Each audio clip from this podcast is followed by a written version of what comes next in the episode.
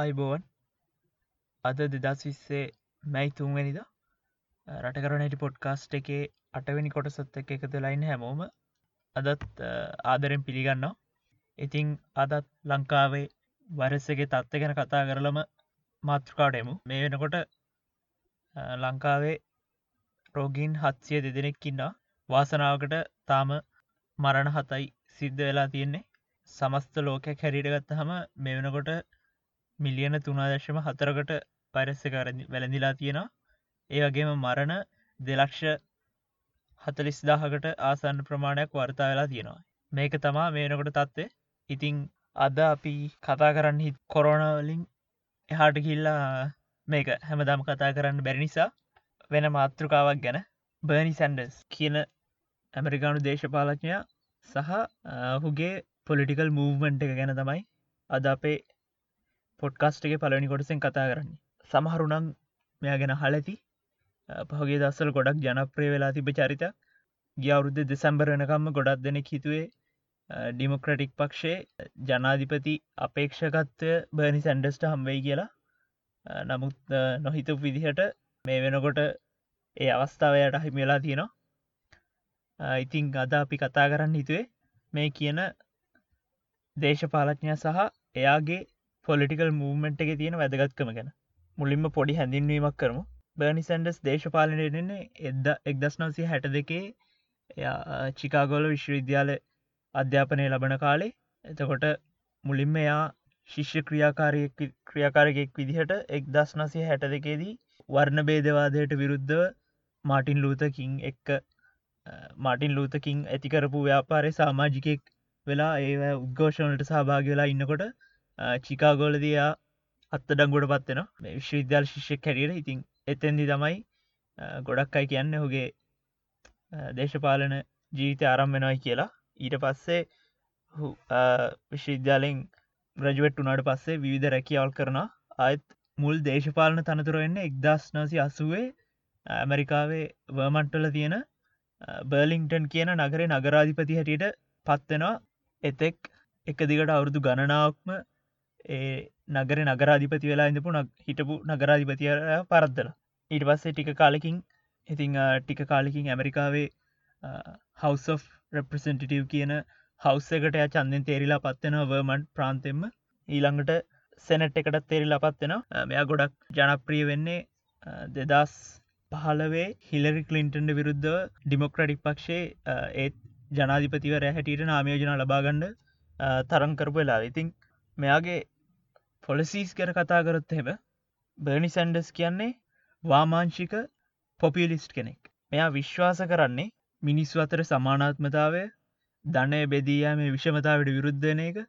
එතකොට බේසික් සෞඛ්‍ය පහසුකම් අධ්‍යාපනය වගේ මූලික මට්ටම පහසුකම් හැම මනුස්සයට මේ ගොල්ලන්ගේ ආර්ථික මට්ටම ජාතිය ආගම සලකා බලන්න තු ලබා දෙන එක සහ ඒව ලබාගන්න අවස්ථාවක් ලබා දෙන එක ඒ වගේම තමයි යුද්ධ වෙනුවට සාකච්ඡා මගින් ලෝක ප්‍රශ්න විසඳන එක. මේ බර්නි සැන්ඩස් කියන්නේ මම පෞද්ගලික ගොඩක් අගේ කරන චරිතයක්. මොකද මමත් දවසක් ෆෙස්බුක් හරි ටිට හරි වෝල් එක පහලට යනකොට පොන්ස ඩැඩ් එකක් කම්වෙන මේ බර්නි සැන්ඩස්කින් ස්පොන්සඩ් හරි කවරශය කරප එකක් හරි.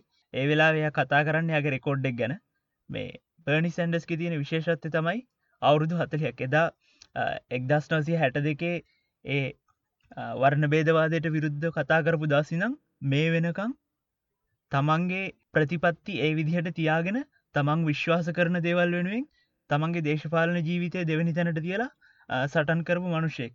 දැන් අපි අදෝය ගොඩක් කතා කරන ඇමරිකාව පවා දැන් සාමාන්‍යය කියලා කට්ටිය හිතන තැනට පත්වෙලා තියෙන නීති තියෙනන දැන් සමලිංගික අයිතිවාසිකම්. මේ වගේ දේවල් ඉස්සර ඇමරිකාව වුණත් අද ලංකාව තියෙන විරෝධම ඉස්සර ඇමරිකාවත් තිබ හැබැයි ඒ විරෝධය තියෙන වෙලාවේ එහෙම අසරනුවන මිනිස් වෙනුවෙන් පෙනී හිටපු දේශපාලඥයත් තමයි බනි සැන්ඩස් කැන ඉතින් මේ වෙනකොටත් අදටත් මෙඩිකයා ෆෝල්ල කියන්නේ ඇමරිකාවේ තියෙන මේ ප්‍රයිවටයිස් වෙච්චි ලාභ උපීමේ අරමුණෙන් කරගෙන සෞඛ්‍ය ව්‍යාපාරයට විරුද්ධ සහ ආයුධ වෙළනාම් කරන ව්‍යාපාරයට විරුද්ධ ෆාමසෝටිකල් ඉන්ඩස්ට්‍රේකට විරුද්ධ ලොකු සටනක් ගෙන ගිය අරගෙන යන දේශපාලනය ඉතින් මංගන කලින් කිව්වගේ අවුරුදු හත්තලිහක් එක දිගට මෙච්චර තමන් වටේ ඉන්න හැම දේශපාලඥාම සල්ලිවලට විකිනෙනකොට කොන්ද කොන්ද පණ ඇතුව තමන්ගේ මතය වෙනුවෙන් පෙනී හිටින්න පෙනී හිටින්න පෙනි හිටපු එක තමයි මේ බර්නි සැන්ඩස්ගේ විශෂත් ඉතින් ඔහු අවස්ථා දෙකකදීත් ඇමරිකාවේ ජනාධිපති අපේක්ෂකය වෙන්න අසාර්ථකුණත් එයාගේ පොලිටිකල් මූවමන්ට් එක මම හිතන ඉදිහට ඇමරිකා විතරක් නෙවෙයි බටහිර රටාල විතරක්නේ මුළු ලෝකෙටම ලොකු බලපෑමක් කරන මූමන්ට් එකක් වෙයි. මිනිස්සුන්ට හැම මනුස්සයටම සමානාත්මතාවය ලබා දෙන්න ඕනේ. ඒ වගේම කෝප්‍රට් ඒගැන්න මේ රටක ඕනෙම රටක දේශපාලනය අල්ලගෙන ඉන්න විදිහ වැරදි. ඒක ජනතාවට වැඩ කරන රජයක් හැටියට වෙනස් වෙන්න ඕනි කියන මතය බර්නි සැන්ඩස් මේනකොට සම් රටට ඇමරිකාවට විතරක් නෙයි මුළු ලෝකෙටම දීලා තියෙනවා. මම හිතන්නේ කවුරුහරි මේක හගෙනන්නා නං දේශපාලඥයෙක්වේවා සාමාන්‍ය පුද්ගලෙක්වේවා රාජ්‍යනිලධරික් ඕන කෙනෙක්.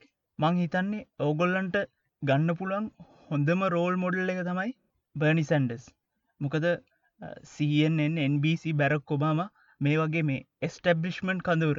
ඒකන්නේ තියෙන විදිහටම දේවල් තියෙන්න්න ඕනි කියලා කියන කඳවුරට විරුද්ධව අවුරුදු ගානක් එක දිගට සටන් කරලා අද වෙනකොට ඉතාමත් බලගතු මූමන්ට් එකක් බවට මේ බර්නි සැන්ඩ සහ එයා වටේ ඉන්න පිරිස පත්වෙලා තියෙන ඉතින් මං හිතන්න ඉස්සරහට අපි දකින්න ඩොනල් ට්‍රම්ප්ගෙන් බොරිස් චොන්සන්ගෙන් ජෙරමි කෝබින්ගෙන් තකොට නරේන්ද්‍ර මෝදිකින් ඉම්රාන් කාන්ගෙන් එතකොට යම්තක්දරට ගෝටාබේ රාජපක්ෂගෙන් අපි දකින්නේ මේ ස්ටටස් කෝ එක. ඒගැන්නේ දැනට තත් දැනට මේ ලෝකෙ තියෙන විදිහ රට කෙරවෙන විදිහ මිනිස්සුන්ට සාධාරණයක් නොවෙන නිසා තමයි මේ විදිර වෙලා තින් ඉතින් මේ මූවමන්ට් එකට මූලිකත්වය දෙන්නේ ඒක මූලාරම්භය ලබාගන්නේ බර්නි සැන්ඩස් කියන එක තමයි මගේශය සිතින් තව අවුරුදු දහයක් දොල්හක් යැනකම් මෙයා මේ ඇතිකරපු මූමන්ට එක ඉම්පෙක්ට එක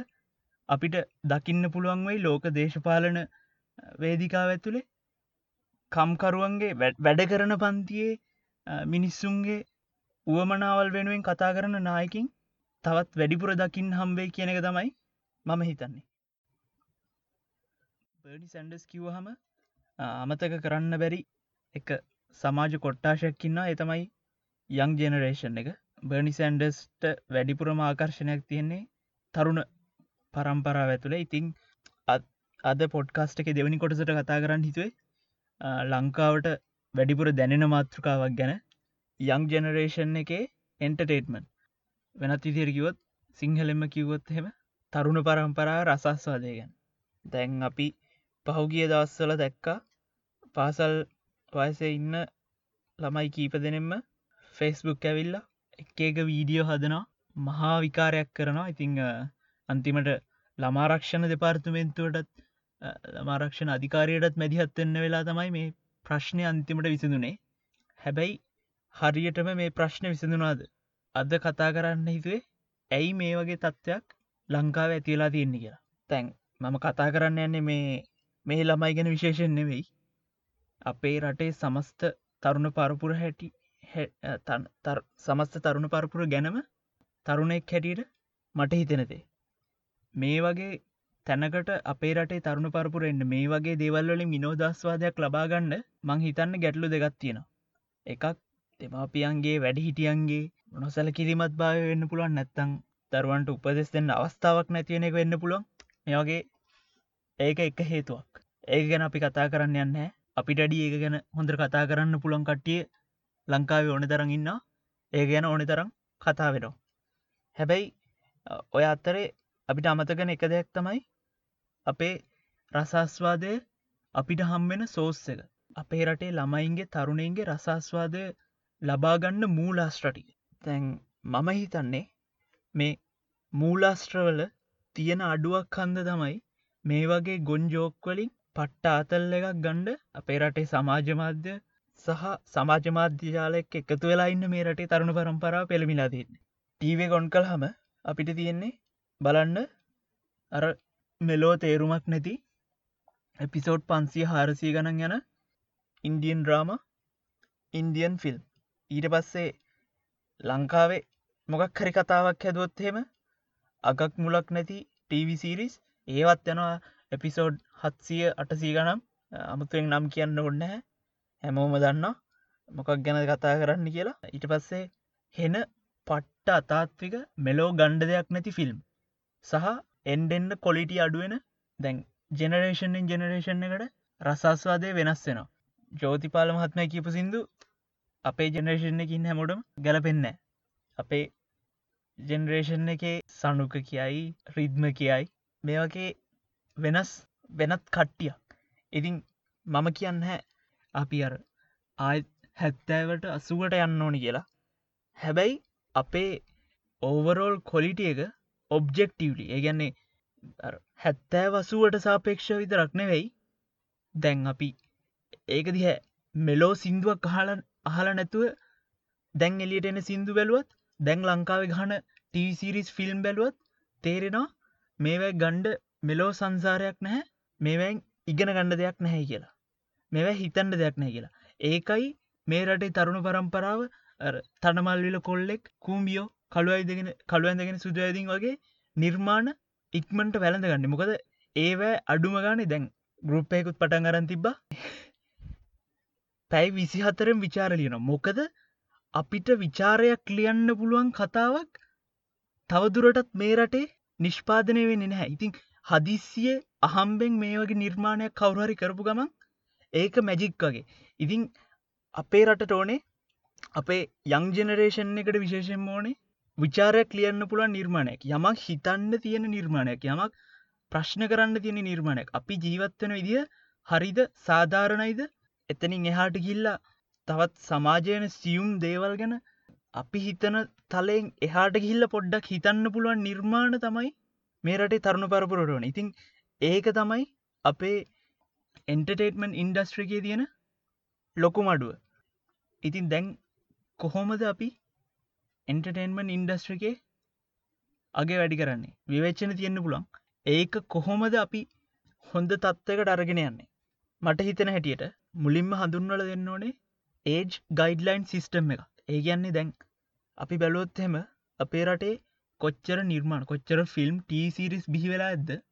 පවුලේ සැමට නැරඹිය යුතුයි කියන තත්වට නිර්මාණය බාල කරන්න ගිල්ලා සම්පූරණෙන්ම අර්ථය නැතිලා ගිය. මම කියන්න හැ මේ හැම නිර්මාණයම මේ සෙක්ස් තියෙන් ඕනේ.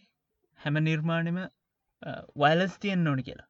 හැබැයි නිර්මාණයක් ඇතුළේ තාත්තික විදිහට ඇත්තලෝක දේවල් ඉදිරිපත් කරන්න බැරිවෙලා නිර්මාණ කීයක අගේ නැතිවෙලා ගිහිල්ල තියෙනවාද කියලා අපි පොඩ්ඩක් හිතල බලන ඉතින් අපි ගත්ත ලෝකෙ ගොඩාක් රටල්ලල ඒජ් ගයිඩ්ලයින් එකක් භාවිතයන එකැනෙ ටවිසිරිස් එකක් ෆිල්ම් එකක් මේ හැමදේටම ඒකට ගැලපෙන උපදෙස් මාලාක් කෙන ගැනෙ මුන්ටිසෝරියන ළමයින්ට වෙනම විදිහ ප්‍රෝග්‍රම්මයක් වයිසවරුත් දහතුන වෙනකන් දොළහ වෙනකං ළමයින්ට වෙනම ප්‍රෝගෑම්මයක් ටීනේජස්ලට සහ ඊට ඉහළ කට්ටියට වෙනම ප්‍රෝගෑම් දහටට වැඩි වැඩ හිටියන්ට රසවිඳන්න වෙනම නිර්මාණ ඔන්න ඒවට වෙනම නිර්ම මේ නිර්මාණ වෙනම ඒවා නිෂ්පාදනය කරන්න අවස්ථාව වගේම ඒවා නිෂ්පාදන වනාට පස්සේ මේ නිර්මාණය තියෙන්නේ මෙන්න මේවයි කියලා කෙලින්ම කියන්න පුළුවන්.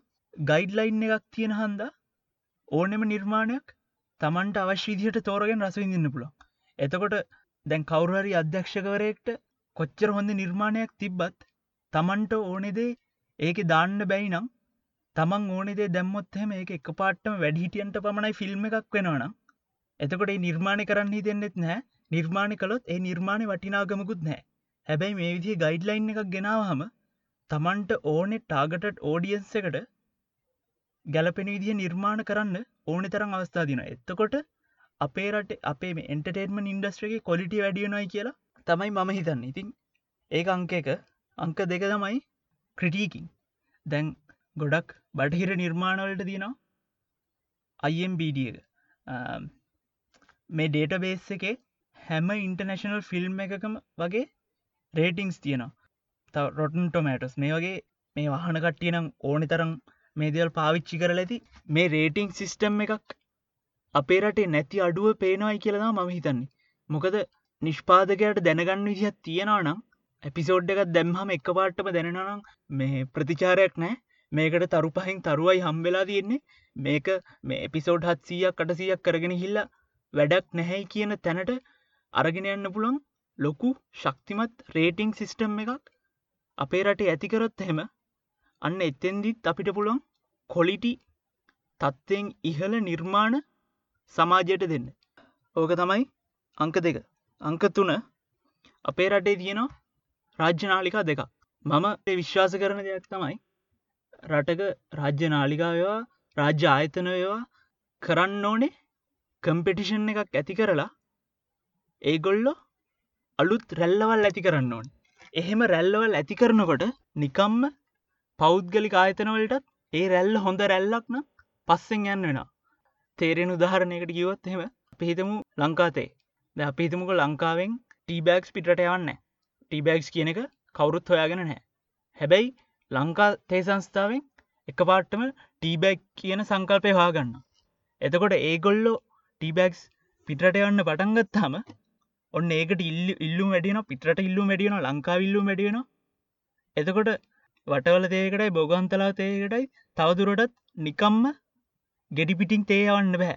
මේ ඒගොල්ලත් ටීබැග්ස් ගහල පිටට යන ලංකා මාකට් එකට දාන ඉතින් ඒ වගේ රටේ රාජ්‍ය මාධ්‍යායතන දෙකත් කොලිටි නිර්මාණ එලියට දාන්න පටන්ගත්තොත් එහෙම එපිසෝට් හත්සි අටසී ගණන් යන්නඇති ටීසිරිස් ප්‍රඩක් කරන්න ප්‍රඩක්ෂන් එකට දැම්මොත් එහෙම මං හිතන පෞද්ගලික අයතනත් ඒ රැල්ලට යනවා. ඒ අංක තුන. පොඩ්ඩක් හිතල බලන්න. ඕගොල්ලන්ටත් අදහස්සෙනනම් කියන්න. ඕක තමා මම හිතන්නේ අපේ ඉන්ඩස්ට්‍රික ඔය කරුණු තුන තමයි අපේ ඉන්ඩස්ට්‍රික නක්ගන්න පුළො ඊළඟට වර්ල්ඩ් එන්ටර්ටේන්මන්ට් අපේ රටට ගේනෙ මේකේ මුලින්ම කියන්න ඕනේ අහිතකර පැත්තක් තියෙනවා. මේ හරිම සියුම් සමහරක් රටල්ලට දැනටමත් මේක දැනී කෙනෙනවා. ඒ අපි මේ වැඩේ උනොත් කතා කරමු. දැනට මෙම කියන්න හතලිස් නව ඩේට කාඩ් එකත් දාගෙන යාළුවෙක්ට හයි කිව්හම හයි බයිගල් කියලවරහම ඩේටටිකි වෙරෙනවනම් අපි තදුරටත් තාක්ෂණික ලෝකයට කනෙක්ටලා නැහැ. මම එක එපිසෝඩ් ගණනාවකදිම කිව්ව. අපි හරියට තාක්ෂණික ලෝකයට කනෙක්ටෙන්න්න නම් අන්ලිමිටඩ් ඩේට ඕනේ. තවදුරටත් අපි ජීවත්තෙන්නේ ගල්ලිගේ නෙවේ ඉතිං තොරතුරු ඩේට කියන්නේ තවදුරටත් ලක්ෂරිය එකක් නෙවේ ඒක අයිතියක්. ඒ අයිතිය රටේ හැම පුරවසියටම ලබා දෙන දවසර තමයි අපි දිනන්න. ඉතිං විශේෂයෙන්ම මේ රටේ තරුණ පරපුරට තවත් ලෝක එක්ක එකතුවෙන්න මික්සන්න චාන්ස එක හම්බුණොත් එහෙම මීට අඩිය හොඳ නිර්මාණ ඇතිවෙයි කියලා මම හොඳට විශ්වාස කරන ඒ වගේම මම කියන්න මේ ඇමරිකා තමයි ලෝකෙ හොඳම නිර්මාණ කරන්න කියලා. හැබැයි හොඳ නිර්මාණ ලංකාවට එන්ඩෙන්ෙන්න්න ලංකාව ඉන්ඩස්ට්‍රීක අර හොඳ නිර්මාණත් එක්ක කම්පීට් කරන්න පටන්ගත්තාම තමයි ලංකාවෙන් හොඳ නිර්මාණ බිහිවෙන් එතකොට හොඳ දෙයක් ගණ්ඩ පුළුවන්කම තියදී කවදාත් නරකදයට යන්න හැනෙ මම කියන්නේ එන්ටරේන්මන් ගැන. අනිද්‍යවල්න ඕනි තරම් මේ නරක දෙවල් ගන්න අපේ කට්ටිය හරිම දක්ෂයි. ඉතිං හොඳ ටීසිරිස් එකත් එෙදදි කවදාවත් චාට ටීසිරිස්ස බලන්ඩයන් හැන. චාට ෆිල්ම් එක බලන්ඩ යන්න හැන. වර්ල්ඩ එන්ටර්ටේන්මන්ට් ඉන්ඩස්ට්‍ර එක මංව කිව්වාගේ අපේ රටට ගේන්න ඕනේ. එදාට තමයි මේ රටේ තරුණ පරපුරේ රසස්වාදය දියුණු කරන්න පුළන් සහ ඒ ලෝක තියෙන නිර්මාණ ලංකාවට ගෙනහම ඒ තුළින් ඇතිවන තරගෙන් ලංකාවේ මීට වැඩි හොඳ නිර්මාණ ඇති කරන්න පුළ මේ ගැන හිතල බලමු. පොඩ්ඩක් අපි හැමෝම මේ ගැන කතා කරල බලු අදට හෙනම් මේ ටික කියලා නවත්තනවා. එපිසොඩ් ඇත් එක් එකතුුණු හැමෝටම ගොඩක් ස්තුති එනම් අයිබුවන්